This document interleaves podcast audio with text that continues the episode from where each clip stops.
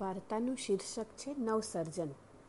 શહેરની સૌથી મોટી અને પ્રતિષ્ઠિત આર્ટ ગેલેરીમાં માહીના ચિત્રો સુંદર સજાવટ સાથે આકર્ષક રીતે ગોઠવેલા જોઈને મૃગાની આંખ સજળ થઈ ગઈ. કલાના પારખુઓ એક પછી એક ઉત્તમ ચિત્રો જોઈને માહીના અધધધ વખાણ કરી રહ્યા હતા.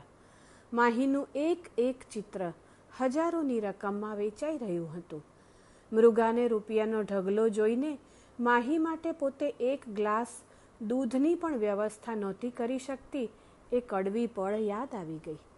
સામાન્ય પરિવારની મૃગાના લગ્ન એવા જ સામાન્ય પરિવારમાં થયા ત્યારે મૃગાએ મન મનાવ્યું કે મા બાપે અક્ષર જ્ઞાન આપ્યું, એ આવા સંજોગોમાં જ તો કામ આવે. પણ પતિ નયન, સાવ નપાવટ અને અવગુણોનો ભંડાર નીકળ્યો. બે વર્ષે દીકરીનો જન્મ થયો પણ નયનમાં પરિવારની જવાબદારી જેવી કોઈ નિયત દેખાતી જ નહોતી. માહી દસ વર્ષની થઈ. ત્યારે એને નિશાળમાં, સ્લેટમાં બહુ જ સુવ્યવસ્થિત આકાર ઘૂંટતી થઈ. એ જોઈને મૃગાને વર્ષોથી મનના એક ખૂણે ધરબી દીધેલા પોતાના સપના ફરી માહીના લસરકામાં દેખાયા.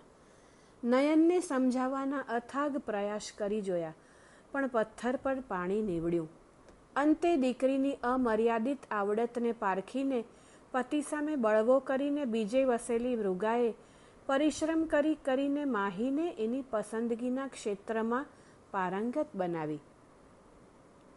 અને માહીનું પ્રથમ પ્રદર્શન યોજાયું અને સંપૂર્ણ સફળ થયું. માહીનું સૌથી વધુ પસંદગી પામેલું અને સૌથી વધુ ઊંચા ભાવે વેચાયેલું ચિત્ર હતું નવસર્જન.